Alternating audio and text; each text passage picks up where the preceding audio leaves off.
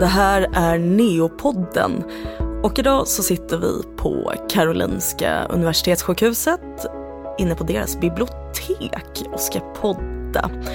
Med mig så har jag Madeleine Karlsson. Hej Madeleine och välkommen till Neopodden. Hej, tack. Hur mår du idag? Jag mår ganska bra. Det är fredag och sol och mm. varmt ändå ja. för att vara höst. Ja men precis, bra. slutet av september här.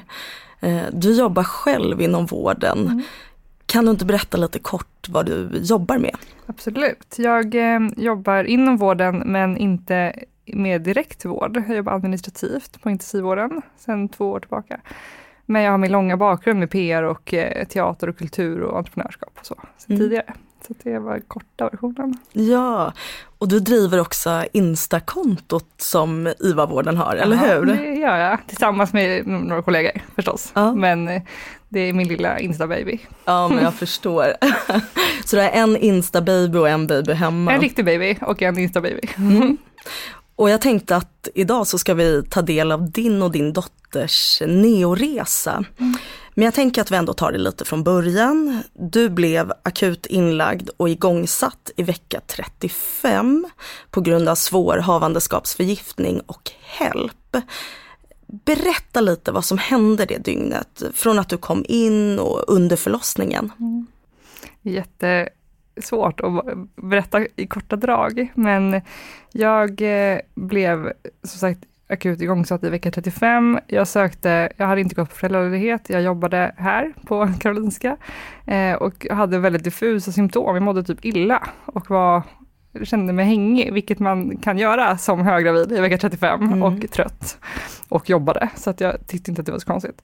Men så tyckte min chef framförallt att jag, du kan ju gå, gå och kolla så att det, allt ser bra ut. Liksom. Jag ringde min barnmorska och hon sa ja, jo, så kan det ju vara i, när du är höggravid i vecka 35 och ja, man, det är lite trångt i magen, du kan må lite illa. Men prova ring förlossningen och se om de kan kolla. Liksom. Så då gjorde, ringde jag två trappor ner och frågade, kan ni kolla på mig? Och de sa att de, de förstås hade mycket att göra, men att de skulle försöka trycka in mig där. Så jag gick från mitt kontor ner två trappor och eh, ville få att de skulle kolla. Ja. Vad hittade de då? Du gick ner två trappor, de sa okej okay, kom in.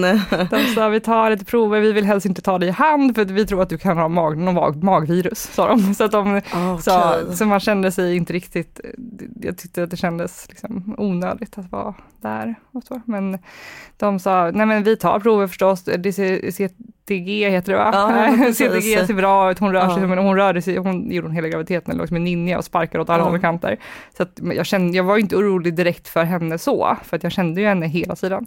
Men du sa att du tyckte det var onödigt. Ja. Varför man, då? Man, Förlossningen mådde, finns ju ja, för vet, er gravida. men det var för att de liksom, det, dels så kände jag mig kanske jag kanske överdrev, för att mena må illa så kan man göra. Och så var det nog någonting när de sa det att, ja men vi vill nog inte ta det i hand, för det, vet, man kan ju få magvirus när man är gravid också. Det förstår jag ju mm. förstås att man kan och så försökte jag säga att jag tycker att det känns konstigt men i och med att det hade så diffusa symptom så kände man sig liksom eh, väldigt dramatisk, man är förstagångsföderska och mitt första barn. Man vet ju inte riktigt vad man ska titta efter eller vad man ska känna Nej. efter man vet inte hur, hur det ska kännas när det är på riktigt någonting mm. eller om det bara är liksom så. Eh, men jag är, jag är tacksam förstås att man fick, att de ändå tog in mig för det liksom. Så jag fick CDG och de tog massa prover. Jag fick dropp för att de inte har fått i mig så jättemycket mat. Och, och jag var ju själv, liksom, jag kände mig jätte... ensam och liten och bara, här sitter jag och överdriver. Ja, jag, och min man, jag hade förstås ringt min man och han bara, men jag kan komma såklart. Jag bara, nej men det är, jag ringer om det är något, för det är ju säkerligen bara liksom, illamående. Mm. Eller konstigt. Och han, han bara, ja men jag kommer ju såklart om du vill. Jag bara, nej men det är lugnt, jag går tillbaka till jobbet. Sen, det går. Men det, det var liksom inga tecken på havandeskapsförgiftning innan nej. dess? Sådär på mödravården? Alltså, nej, och min mödravård, mitt blodtryck hade varit fint. Eh, hade varit jättelågt i början, det hade blivit lite högre men liksom normalt. Eh, och sen hade hon inte tagit urinprov på länge dock, så det vet jag inte om nej. det hade varit. Eh, men jag hade inte visat någon, någonting där, allt såg fint ut. Jag hade varit på tillväxtultraljud för att magen växte lite långsamt. Men det var ju inget farligt, allt såg fint ut. Liksom allt var jättebra. Um, så det var, då gjorde det också att man kände sig lite överdriven. Och just när man är förstagångsföderska så tror man gör ofta lätt det, för att man inte vet. Hade jag fött barn igen nu, då hade jag nog stått på mig mer och Ja. varit liksom mer säker i mig själv. Alltså ska vi inte sluta känna oss så dumma hela jo, tiden? vi ska verkligen göra det. Och jag tänker det- så här, du kände något Ja. och du litade på din kropp Ja. och bara liksom sökte vård. Men och det är, väl helt, rätt. Det är helt rätt. Precis. Och det, man ska verkligen, man har ju rätt till sin känsla, liksom. Även om det inte hade varit någonting. Eller liksom, Verkligen. det hade ju, man blir ju orolig och det är ju en stor sak att vara gravid Mm. förstås. För man liksom, Mm. så vet man inte hur det Nej. känns. allting. Hur inducerade de dig? Hur satte de igång dig? Eh, jag fick eh, vad heter, ehm, Var det Cytotec? tabletter, ja, exakt. En sån här liten shot att Ja, dricka? exakt. En Mm. liten shot att dricka. Jag kommer inte ihåg just vad tabletten hette, men exakt. Ja, jag fick den första dosen på kvällen sen. Eh, nej men de, ja, det var i alla fall, de tog massa prover och sen kom doktorn tillbaka, får bara återgå till det, Ja. så kom doktorn tillbaka sen och sa förlåt att jag inte tog dig i hand. Eh, och satte sig ner på pallen framför mig och sa förlåt att jag inte tog dig i hand. Eh, Okej, fair, Ja, okej, schysst. men då trodde jag att jag skulle dö istället, för då satte hon sig framför mig och så sa förlåt att jag inte tog dig i hand, men nu är det så här, sa hon, och då trodde jag förstås att jag skulle typ dö. Eh, men, eh, och så berättade hon då att mina eh, prover visade på HELP och havande, svår havandeskapsförgiftning och att de skulle lägga in mig och sätta igång mig. De visste inte exakt när eller hur eller så, men de sa att nu kommer du få vara här tills din bebis kommer.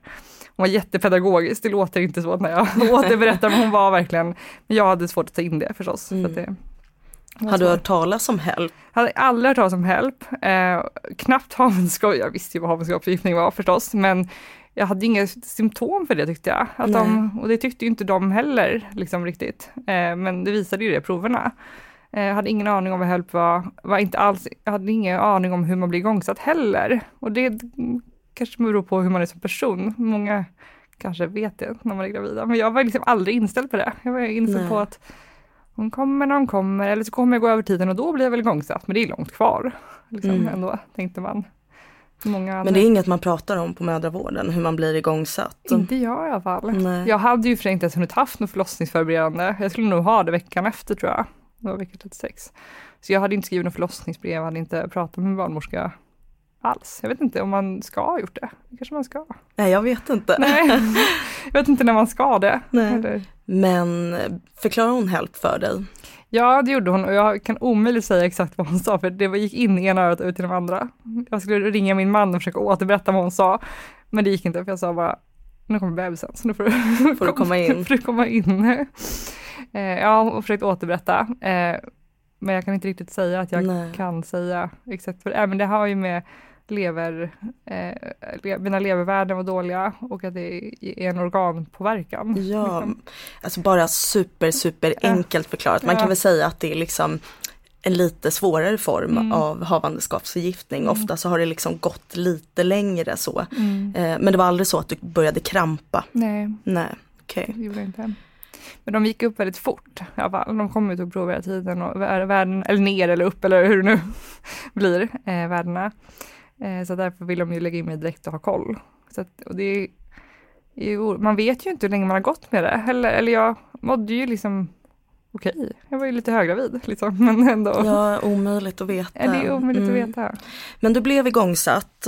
När satte förlossningen igång från det att du blev igångsatt? Jag fick min första dos av Cytotec, heter det? Cytotec. Cytotec. Ja. Eh, på torsdagskvällen, eh, vid 8-9 på kvällen. Eh, och ett dygn senare var hon ute.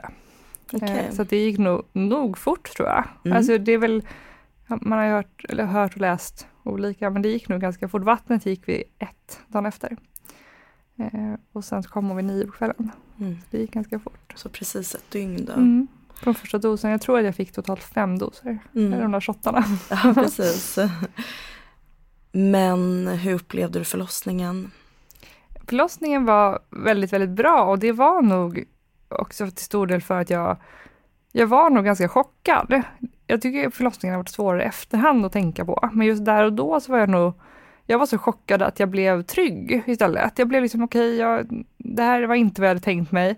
Eh, jag ringde till min chef och sa jag kommer nog inte tillbaka till jobbet, det blir nog inte så. Eh, och sen liksom följde jag personalen och jag gjorde det som liksom, de förklarade och jag litade på dem och det vart liksom jag kunde inte göra någonting annat. Nej, Liksom. nej det är klart, man får bara så här go with the flow Ja, på något vis. och jag lyckades nog ganska bra med det Mm. ändå. Så det, Men vad är det som känns tufft idag då med att tänka tillbaka på förlossningen?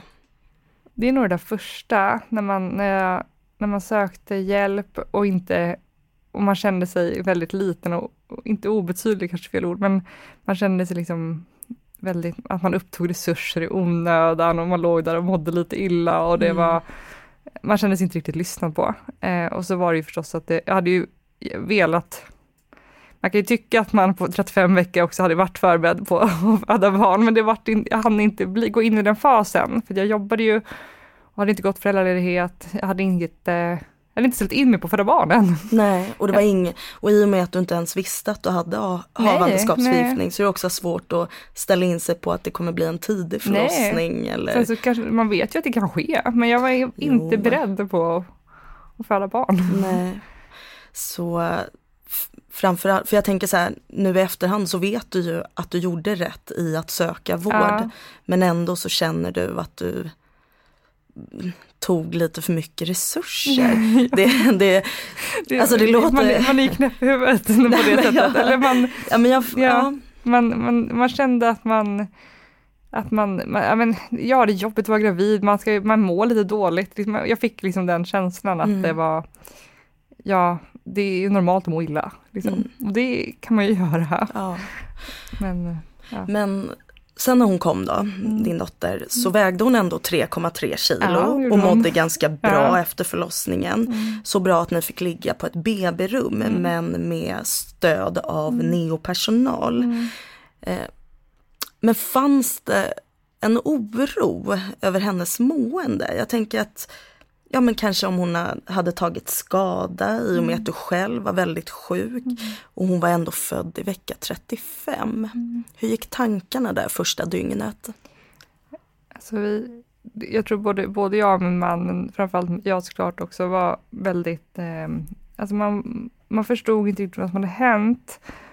Eller man, liksom, det gick så fort och man förstod inte och vi fick ligga kvar på förlossningen ett dygn för att de inte hade rum på BBn. Och så då var man lite i så här mellanting, att man inte visste någonting och hon hon såg ju frisk ut, liksom. eller hon, hon var ju som sagt ganska stor ändå, vilket var ironiskt med tanke på tillväxtultraljudet där som sa att det var lite mage och liten bebis, men eh, det var hon ju inte. Men, så att man, man förstod inte och personalen var ju där hela tiden, kollade både henne och mig och, man, och det gjorde ju att man blev orolig. För, så för att då börjar man ju tänka på att det är kanske mer fel än vad det, Mm. än vad det var. Men man, hon såg ju frisk ut och man, så jag var nog inte orolig över jag var ganska oro- orolig över mig själv också, för de, det var ju liksom de kom och tog, jag hade, eh, de kom och tog jättemycket blodprover och höll koll och det gick inte ner och liksom så att jag var, jag hade svårt att fokusera på allting. Mm. Att jag var orolig för alltihopa Mm. och det var svårt att veta vad som var vad. Mm. Men eh, kände du att du ändå hade tid för, liksom på något sätt att ta till dig din dotter, alltså knyta an till henne. För jag kan också tänka mig att om man ligger där själv och är väldigt sjuk eh, och det är ständiga prover och man mår lite dåligt och sådär. Alltså man, man kanske har fullt upp med sitt egna. Mm. Fanns det liksom lite en konflikt där i dig? Det var väldigt, det, när man pratar med folk som har fött barn så säger de ofta att jag kunde inte sova efter förlossningen bara av att titta på mitt barn för jag, det, det var så himla fantastiskt. Och, och så berättar jag att jag efter förlossningen däckade som en klubbad säl och vaknar upp på morgonen och undrar vart min bebis är för att jag var så utmattad över liksom rent psykiskt. Sen är det klart att det fysiskt jobbigt att föda barn, det vet ju alla som har fött barn. Men psykiskt så var jag så utmattad att jag verkligen somnade där BB och så vaknade jag upp på morgonen och då hade de ju fixat med den lilla pla- plastbaljan hos min man och hon låg där som ett litet knytte liksom. Mm. Och hon var ganska mörkgrön, eller lite gul i- liksom i, eh, i huden och hon liksom såg ut som en litet, litet, litet Och det är precis som du sa, hon blev väldigt gul i huden. Eh, för det var ju, om jag förstod det rätt, efter något dygn så steg ju hennes Mm. bilirubinvärden. Mm. Det man förut kallade för nyföddhetsgulsot. Och eh, ni blev ordinerade ljusbehandling, eh, vilket också så småningom blev den stora anledningen till varför ni behövde vara inskrivna så länge. Mm. Eh, vad tänkte du då? Vad, liksom, visste du vad det innebar att ha Nej. höga Nej, bilirubinvärden? jag visste inte och det, vi var var ju inskrivna på neo hela tiden men vi låg på BB. Så det var liksom en kombination med vanliga barndoktorn eller vad man ska säga, kom gjorde sina tester. Neo kom in ibland och kollade att det såg fint ut, de kom in och kollade mig. Det var liksom alltid någon som kom och kollade ja. någonting, så man förstod inte riktigt vad som var vad. Men då efter vid dygn tre, fyra eller något sånt där efter förlossningen då började vi ju känna att så här, ja, men nu kanske vi får åka hem snart ändå, tänkte vi. Ja. Men då kom då neodoktorn och sa att då hade bilirubinvärdet gått upp och vi visste inte vad det var. Eh, så att han förklarade ju eh, vad det var och att vi skulle behöva sola. Eh, och då var det med en sån här enkel lampa som man fick. Hon fick ligga i en plastbalja med en UV-lampa över sig eh, i 20, 12 timmar tror jag det var först. Mm. Eh, och det, 12 timmar är ganska länge. Så man, det, ja, som nyförlöst, som nyförlöst sin lilla bebis ja, där som man liksom. Det, man vill ju bara ligga med henne på bröstet förstås, för det var ju det, det, det man vill göra på BB. Liksom. Mm. Och då fick vi den här lampan som hon fick ligga under. Mm. Men då tänker jag liksom, då var hon tvungen att ligga där i och med mm. att hon var tvungen att ligga under lampa. Mm. Och hon fick väl en ögonbindel också. Ja. ja. och då är det ju också svårt med liksom det här lite ögonkontakten ja, ja. och ligga och kika på varandra sådär. Eh, kände du dig lite snuvad kanske på det här BB-myset? Ja, alltså där och då kanske jag inte hade gjort det än, men det kom ju för vi höll ju på så länge. Eh, det var det kändes det var inte riktigt, det var inte det man ställt in sig på. Ingenting av det här var ju det. Liksom. Men så tänkte man, nu är hon ju ute, nu är vi liksom, nu är det ju som det är och nu är det ju mysigt. Liksom. Men, och så fick hon ligga där och det, jag, jag tror inte att det blir samma sak. Det vart liksom, vår BB-upplevelse blev med att ja, men vi låg och tittade på henne när hon sola. Liksom. Det, mm. Man fick inte gosa med det, det var väldigt klockrent klocka. De kom in och sa att liksom, vi skulle ge henne mat var tredje timme för det var ju viktigt att hon fick mycket mat för att underlätta med värdena och sådär. Så att det var liksom, vi levde som i, på ett schema mm. mer. Att nu ska hon sola ett 12 timmar, däremellan ska hon ha mat var tredje timme. Och då ska du först, så efter två och en halv timme får du börja pumpa och sen mm. så ska du ge henne mat efter tre timmar så börjar du om så. Liksom. Mm. Så att vi, jag upplever inte att vi hade någon BB bubbla där man liksom, så, så, så som i, i mitt huvud tänkte att det skulle vara mm. i alla fall. Sen är det förstås inte alla som har så heller. Nej men jag tänker det är väl klart att man föreställer sig att saker och ting ska vara på ett visst mm. sätt. Alltså, så, så är ju människan funtad. Ja. Eh, vi lägger väldigt gärna upp bilder inför framtiden mm. att åh så här och, mm. och sådär. Så att jag kan ju tänka mig att när det då också inte blir så, så blir ju fallet mycket mm. större. Ja. Och, Fast är man nyförlöst och mycket hormoner och man vet inte riktigt vad som är vad. Man tog det som en personlig nedgång varje gång doktorn kom och sa nej det har fortfarande inte gått ner. Ja, precis, så liksom. att du har gjort något ja, fel här. Ja, det kände, man tar allting, liksom, det är ju en svår situation när man är mycket hormoner och mycket känslor och mycket så. Liksom. För sen kom de ju efter 12 timmar och sa nej nu ska Um, och de, ja, de stack ju henne väldigt mycket och tog blodprov och liksom eh, så kom de och sa att nu har det fortfarande inte gått ner. Eh, vi kommer behöva sola 12 timmar till och då, man kände sig, det blir som, en, som ett nederlag. Ja. Man känner som att man här, nu har jag inte presterat tillräckligt väl fast jag kan ju omöjligt påverka det. Nej. Men, eh, så det kändes som ett bakslag liksom? Det kändes, för då tänkte man det här är det, det får mm. vi göra, nu är vi klara. Men eh, du sa att de var tvungna att sticka henne väldigt mycket. Mm. Vad tänkte man inför varje stick? Gör det ont i mm, mammahjärtat? Det gör ont i mammahjärtat. Och, och pappan fick göra och pappahjärtat. pappan fick göra det väldigt mycket ja. för jag klarade inte riktigt av det. Eh, och när man har de fick ju sticka henne så mycket så att händerna gick inte att sticka men de fick sticka i fötterna och när vi till sist så ville de sticka liksom typ i tinningen eller något sånt. Alltså det, var, det behövde de aldrig göra sen men då, då höll jag på att gå sönder. För då kände jag, det, vilket stickande, jag vet nu att det inte det är ingen fara såklart, liksom, men det man sticka små bebisar mm. i huvudet. Liksom. Ja. ja. det ser ju ganska otäckt det ut. Det ser otäckt ut. Eh, och det är det svårt man... att sticka små barn. Alltså de fick ju kämpa väldigt, väldigt mycket för att få ut och det gjorde ännu ondare mig ja. förstås. Ja, alltså att sticka liksom i huvudet sådär eller mm. skalpen mm. det jag håller med, det ser ganska mm. tråkigt ut. Mm. Det man däremot vet det är ju att det är det minst smärtsamma vet, för barnet. Ja. Eh, fötterna gör betydligt ondare än för mamma. Ja, men precis. Och det, är, det är balansgång. Ja, verkligen. Nej, men, ja. Men det var en ganska envis eh det var svårt att få ner, få mm. ner billigvärdena mm. så pass att ni till och med fick eh, sola hemma. Mm. Vi fick åka hem, vi, på BB så låg vi åtta dagar totalt och vi solade kanske tre, fyra gånger tolv timmar eller sånt där. På dem. Och sen så fick, gick det ner ändå, sa de att nu eh, får ni åka hem. Men då gick mitt blodtryck upp istället. Eh, så mm. då fick vi vara kvar ännu mer för då, eh, Eh, men sen fick vi åka hem med order om att jag fick, då fick jag medicinera då istället. Men så då fick vi åka hem och då tänkte vi nu är det klart, vad härligt. Men så hade vi återbesök vi fick komma hem på en fredag, vi hade återbesök på måndagen. Då hade vi liksom en helg där som kändes liksom helt normal. Det var nu ska vi landa i det här. Eh, men sen så på måndag morgon skulle vi vara eh, tillbaka på neo och ta nya prover, då hade det gått upp igen. Och då kände man sig ju... Men det var inte det man var inställd på. Jag trodde det skulle vara rutin bara, nu ska ni bli av med oss, eller nu, ska, nu, ska ni, nu behöver ni inte komma hit längre. Nu kan ni bara trycka i en box att nu får ni, nu är ni klara. Mm. Hade du önskat att du visste mer om det här? Ja, jag hade önskat att man att man kunde säga att det var ett alternativ. För ett sättet man sa som när vi åkte hem var att nu har det gått ner. Bra, toppen. Nu kan ni åka hem. Sen att det kan gå upp igen visste ju inte jag då. Eller Nej. det är omöjligt att veta. Jag var väldigt inställd på att nu är det klart.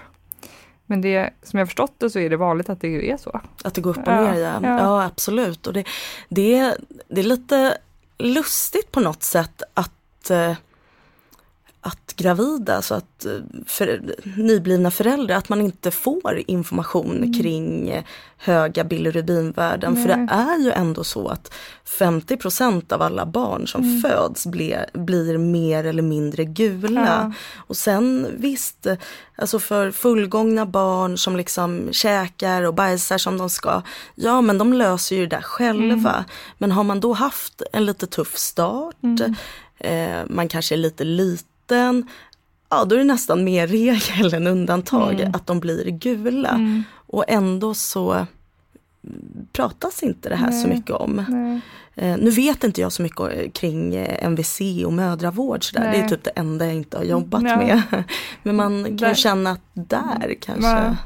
Jag tror det finns mycket man skulle vilja och sen förstår jag att man inte vill oroa gravida i onödan. Att det, det, är en balansgång att man vill kanske inte veta allt som kan hända. För då börjar man tänka, men mm. just de här som är liksom ganska vanliga ändå, även om vi kanske har en jäkligt envis variant, mm. så är det ju väldigt vanligt med gulsot och många ska känna igen sig i det. Men att man inte vet så mycket. Nej.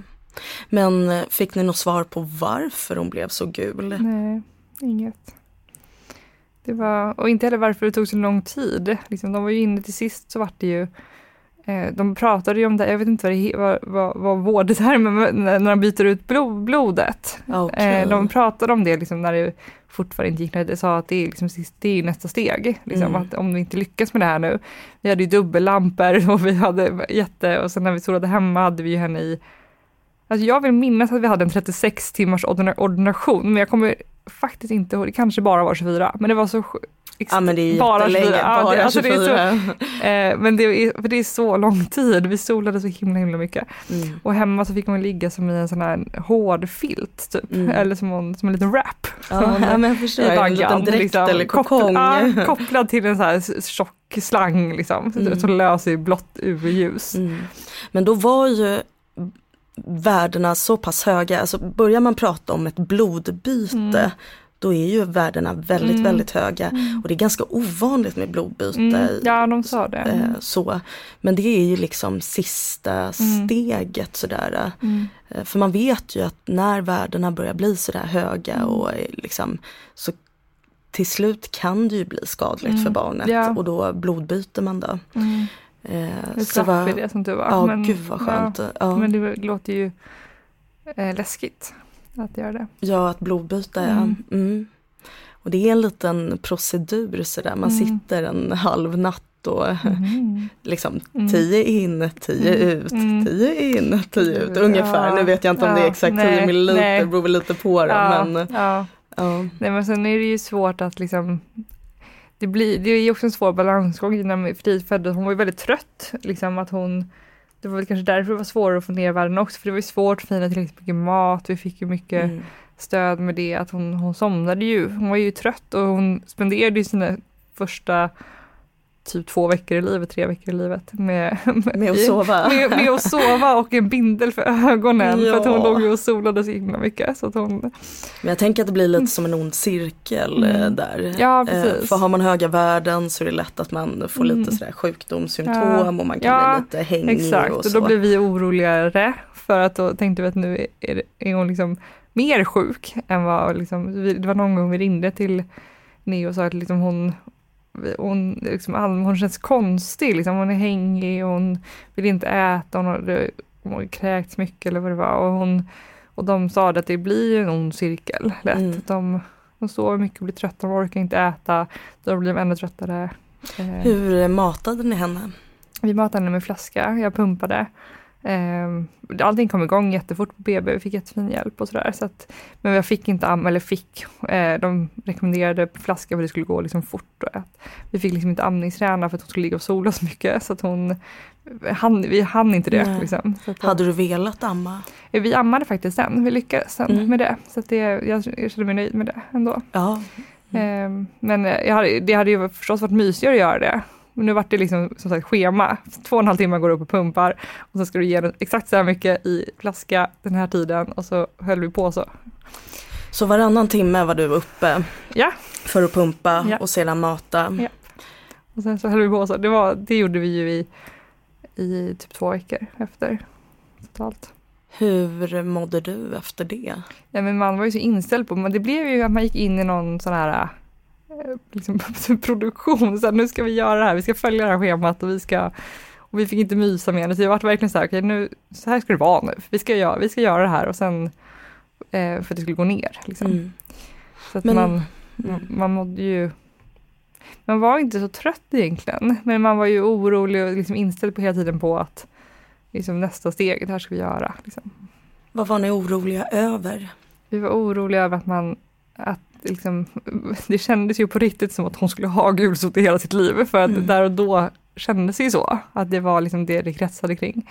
Och så, när, så var vi oroliga när de började prata om blodbyte, att det, då skulle vi ju bli inlagda igen, det skulle liksom vara en stor grej och det skulle vara eh, alltså så var vi oroliga över att hon gick ner i vikt. Men samtidigt så var hon ju stor från början så det var ju ändå tryggt att hon inte var pytteliten. Hon mm. hade ju lite i alla fall, men hon ska, de ska ju gå upp. Liksom. Mm. Men hur tar man igen den här tiden då? Så ni, liksom, hon fick ju ändå ligga under lampa säkert i två veckor mm. eller något. Mm. Och där ni inte riktigt fick mysa med henne Nej. för att det var så viktigt att få ner de här värdena. Sen när man tog bort allt det här och det var bra, mm. låg hon kvar då i sängen eller vad gör man? Ja, det var så konstigt, det var verkligen det var ju typ då det började. Alltså att det vart ju lite som på paus. Fördelen var ju, eller liksom, eller man säga fördelen, eh, min man fick ju vabba. Visste inte vi, det fick vi lära oss på, det var någon som sa det på B, Neo eller BB eller vad det var. Att eh, vi, fick ju, vi fick ju tillfällig föräldrapenning för de dagarna som vi höll på Sola och höll på. Och det gjorde ju att han var hemma väldigt länge de här tio dagarna trädde ju kraft liksom jättelångt efter, så vi var hemma bara två väldigt länge. Och det var ju mysigt, för då fick ju vi det ändå eh, sen, att vi var hemma båda två ett tag efteråt och sådär. Så att eh, vi fick ändå landa i det, mm. tycker jag. Madeleine, jag, jag tänkte jag ändå skulle gå tillbaka lite till det här med matningen och flaskmatning. För om du hade föreställningen att amma, vilket mm. du också gjorde mm. så småningom. Hur gick tankarna när de liksom sa att äh, men du behöver ge på flaska? Mm. Alltså det var, i och med att det var, det var så jag började ju pumpa mycket där i början för att det skulle liksom sättas igång så tidigt och det gick jättebra allting och då fick man ju liksom gott hopp om att det här kommer ju funka jättefint och det gjorde det ju förvisso men i och med att hon, hennes bilirubinvärde gick upp så mycket och hon började få i sig mycket mat på kort tid. Inte jätteväl förenat med amning kanske där i början när det kanske tar lite tid. Antar jag, jag vet inte, jag har ju inte liksom gjort det. Men vi fick inte den tiden i alla fall utan då började vi pumpa och ge flaska. Och det vart liksom man man blev som en robot. Man blev, jag, vi gjorde, jag gjorde som jag blev tillsagd, jag gick upp varannan timme och så pumpade så gav vi på flaska. Vi fick ett schema, det vill säga nu ska ni 20 ml, nu ska ni öka till 30, nu ska ni öka till 40, nu ska ni göra, nu ska ni göra det här och det här. Och då gjorde man det, man var så inställd på det. Och det fortsatte ju vi med i flera veckor hemma också, för att eh, i och med att det fortsatte stiga så var vi tvungna med det. Vi fick ju bara ta ut henne ur eh, sollampan eller wrappen som mm. vi kallade den för hemma, eh, för att ge henne mat. Så vart det liksom, det var den enda, det var också den enda tiden man fick liksom, ta ut henne. Så då vart det liksom, jag tog upp henne, gav en flaska fort och så. Och jag hann inte riktigt reflektera över det riktigt. Det vart så bara. Men de sa de, vi pratade ju på BB och på NEO om att det kan ju vara svårt att få till en andning efter man har gett flaska, för de blir vana med det. Liksom. Men vi hade turen att det funkade fint. Det gick jättebra. Vi fasade ut flaskan efter att vi blev utskrivna från NEO när kulsoten var borta. Och då gick vi över till amma, det gick jättefint. Mm. Så det kändes ändå? Det kändes okej ändå. Ja. Även om det var tråkigt. Det vart, det vart som en, en, man blev som en robot som skulle producera. Liksom. Man gick upp och så pumpade man och så gav man en flaska. Mm. Och så höll vi på så varannan timme.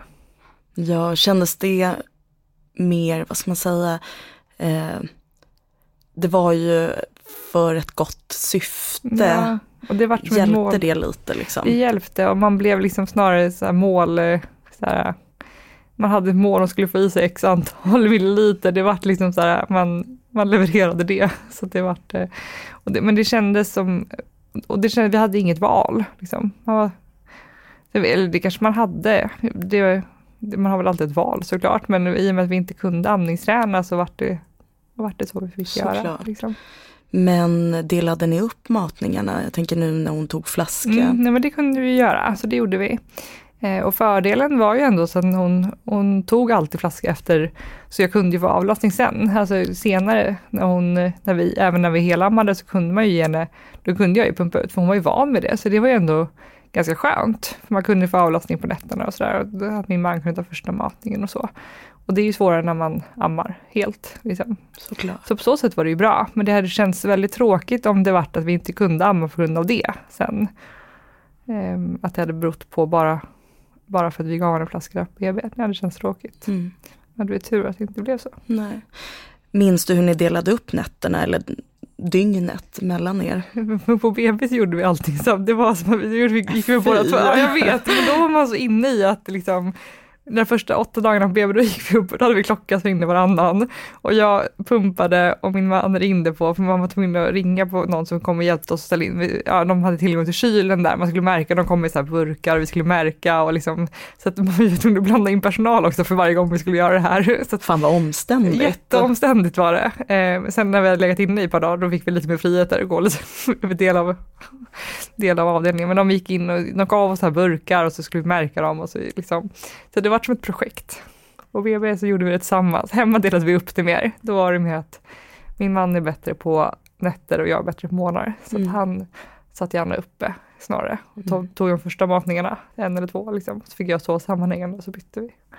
Så då var det ändå två veckor där ingen av er typ sov. typ sov. ja, eh, jättedumt upplägg. Men... Fast å andra sidan när klockan ändå ringer så vaknar man ju ändå. ändå ja, ja, klockan ringde ju liksom. Fast jag har ju träffat föräldrar som har varit så slutkörda att de inte vaknar, att de inte vaknar alls. Utan man bara går förbi dörren ja. och hör att vad fasen är det nu som plingar? Och på Neo plingar ju allt. allt. Ja, man vänjer sig. Så man bara liksom går runt och så här hmm. Exakt. Nej men det, det, det vart så bara. Sen så vart det ju mer, sen började min man jobba och då vart det jag som tog det mesta. På helgerna hjälptes vi åt. Mm. Men jag kommer ihåg där på BB när vi gick upp båda två. Så att, min man kunde ju liksom inte göra så mycket med det första, han kunde hjälpa till att mata, men det var ju det vi fick göra minst, så att säga. Eftersom vi bara skulle ta upp honom och mata, så det tog, gick ju så fort. Allt annat var ju det som tog lång tid och det, han kunde inte pumpa. Eller han kunde liksom, vi satt där båda två bara. Men jag tänker för de som inte vet, när, när man lägger barn under lampa så har ju lampan i sig ett speciellt ja. sken. Och idag så är lamporna mer blåa mm. i skenet, alltså det ser nästan ut som ett så här rymdskepp ja. liksom. Hur lyckas man sova? Ja, det gick allt- ändå. Det Men, gick ändå. men det, var, det var någon gång när vi låg där, eftersom, vi, eftersom hon låg där i sin, liksom under sin lampa i det här ljuset så vart det ju, vi låg ju och typ tittade på henne, tittade på varandra och liksom mer, här ligger vi i ett blått UV-ljus på BB med några konstiga tavlor på väggarna och vi kan inte göra så mycket egentligen. Man kunde, liksom, det var en ganska bisarr känsla, just det där ljuset som du beskriver, det, det kändes som att man låg i ett rymdskepp. Och så, det här rummet var det enda vi såg på åtta dagar. Så man låg där i det här blåa rummet Ja. så länge. Alltså när man, när jag jobbar själv på golvet så eh, kanske man inte alltid tänker på det, men så här när man eh, ställer sig lite utanför och kikar in så bara fasen varannan timme upp. Eh, man ligger i ett blått sken vilket gör att det aldrig är mörkt när man ska sova. Eh, tippar aldrig över till att man blir typ tokig liksom. Ja, Det blev man nog, tror jag. Speciellt som nyförlöst, man, eller man, jag kan ju bara prata för mig själv, men jag, man, det kom, man grät lite med jämna mellanrum. Det, var, det kom folk in, det var blått hela tiden, de tog massa prover, man låg där med en infart i armarna och så här, "Ha, vad vill du? Du vill ha blodtryck, du vill ha blod, eller vad vill du? Vad- Precis, vilken vad- arm ska jag sträcka Vad fram? vill du ha liksom? Ja, Är det vill mig på- eller är exakt, det vill du kolla på barnet? Eh, Det är en bisarr känsla och jag tror att vi lyckades nog ändå ta det på rätt sätt tror jag. Att vi, vi bara, man gillade läget. Liksom. Det, Ja, det känns ju som att man har, man har inte så mycket val Nej, och så är det inte det. första barnet, man har Mm. inte så mycket att jämföra med. nej. Men eh, det är ju långt ifrån allt det här rosa fluff, Ja. fluffet eh, där liksom barnet i princip kravlar Mm. upp och tar bröstet ja, och så sen ligger så man där och myser. Ja, liksom. precis, Ja. och sen så går man hem och så är, Mm. så är den ständigt liksom Ja. där i någon sjal och Typ. eh, Inte Mm. riktigt, det var det jag hade tänkt mig. Inte att min man samma kväll som vi blev inlagda var tvungen att åka och hämta ut bilbarnstolen, för det hade vi inte gjort. Så det var, eh, eh, det var inte riktigt det som vi tänkte. Nej. Eh, när vi skrev lite här innan, inför det här poddavsnittet, så skrev du att du kände dåligt samvete över att du tyckte att det var så jobbigt med den här ljusbehandlingen. Eh, när det fanns barn på avdelningen som hade det betydligt tuffare. Alltså att ni, ni var bara där för något litet och så här ligger ni och Mm. andra barn mår mycket sämre. Varför tror du att du kände så? Nej, men jag tror att man, man, får, man får perspektiv när man läser om, liksom, man ser och man hör om de barnen som är så himla sjuka. Eh, och man blir tacksam då förstås över att ens eget barn inte är liksom svävar mellan liv och död. Och att man hade en, alltså i relation till det så hade man ju en ganska enkel förlossning och liksom det slutade ju väl allting. Och därför får man då ett samvete över att man, eller jag, jag fick det, att man fick då ett samvete varje gång varje gång doktorn kom och sa att nu måste hon sola mer och man bröt ihop för att man tyckte att det var jättejobbigt. Och så tänker man på de barnen som kanske ligger i respirator och behöver hjälp att andas. Och där tror jag min man var, hade lättare att se det så att liksom det här är ju en, liksom en enklare åkomma, det kommer ju bli bra, det är inget farligt, hon, hon, hon kommer ju må bra. Han hade nog lite lättare att se det. Och det kanske var för att man har hormoner och är nyförlöst också, det vet jag inte. Men det, och det gjorde ju också att allting blev svårare när man har dåligt samvete. För det, istället för att bara fokusera på att det ska bli bra, så behöver man också bolla med att det kändes ju, att man kände sig dålig som fick dåligt samvete. Så det blev lite dubbel bestraffning. Ja, du straffade dig själv Man gav, också. sig, exakt, man gav sig själv den dubbla bestraffningen. Det var ingen annan som gjorde det, utan det var man själv som liksom, och så vart man liksom fick man ju mer, ju sämre samvete man fick, desto jobbigare blev det, så vart höll man på så. Liksom. Mm. Men jag tror att vi, eller många kvinnor och just inom förlossningsvården, så här, att det blir lätt så. Man får dåligt samvete över väldigt mycket. Så här, Mm. tar jag för mycket plats Mm. och oj det här kanske inte är så farligt och Nej. jaha nu fick jag ändå vara kvar, betyder det att någon annan inte får vara Nej. kvar?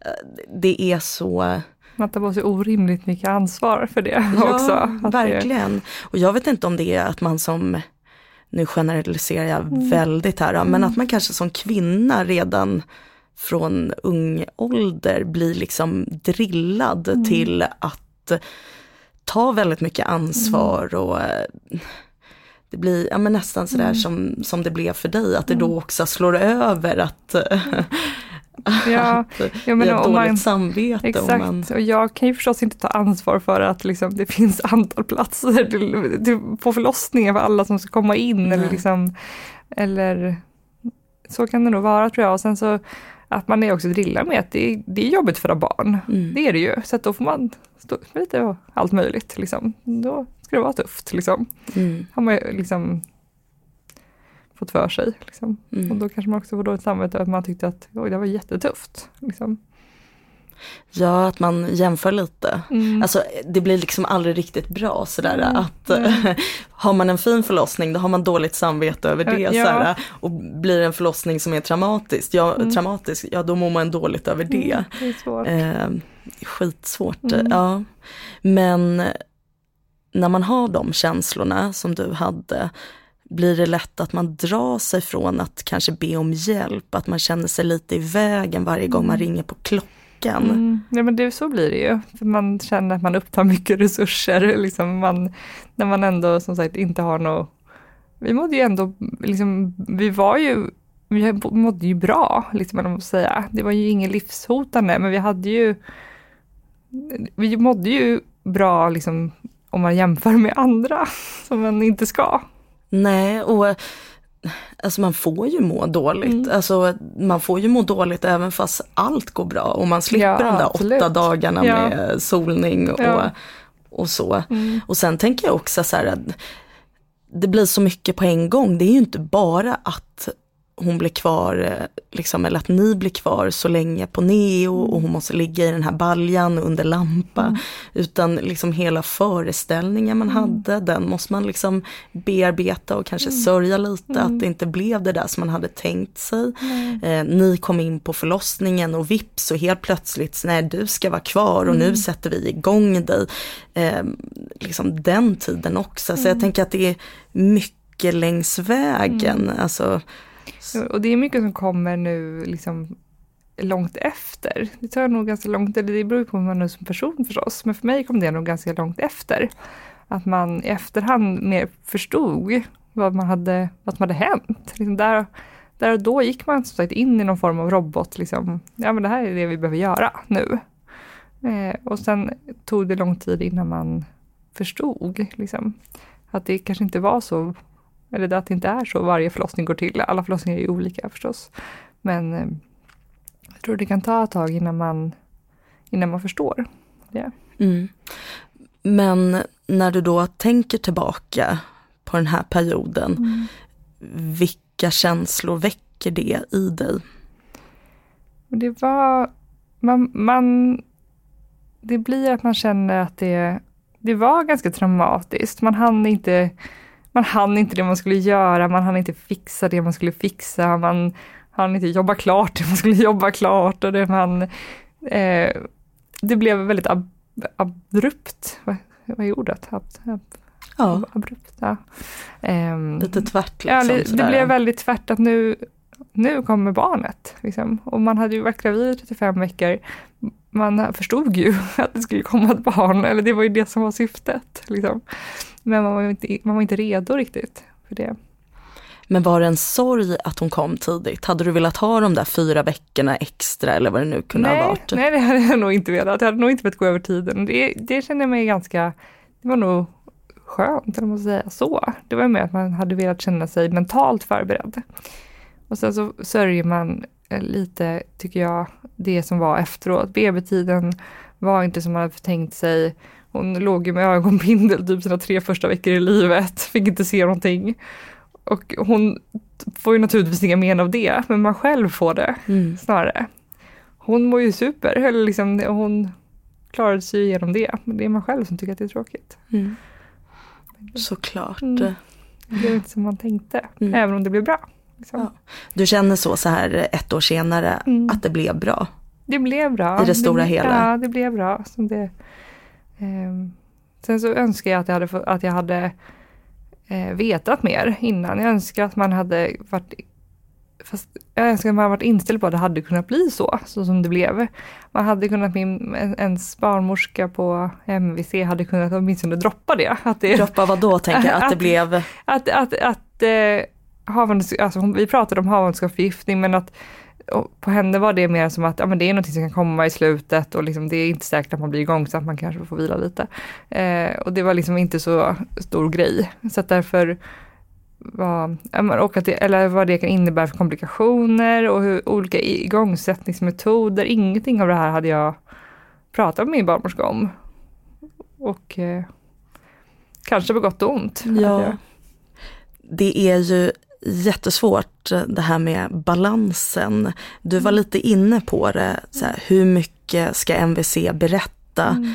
och vad ska de liksom läm lämna utanför mm. lite. Eh, och där kan man ju, alltså idag, alltså den debatten som förs idag på tv och sådär, det är ju ändå att eh, man ska lämna informationen. Mm.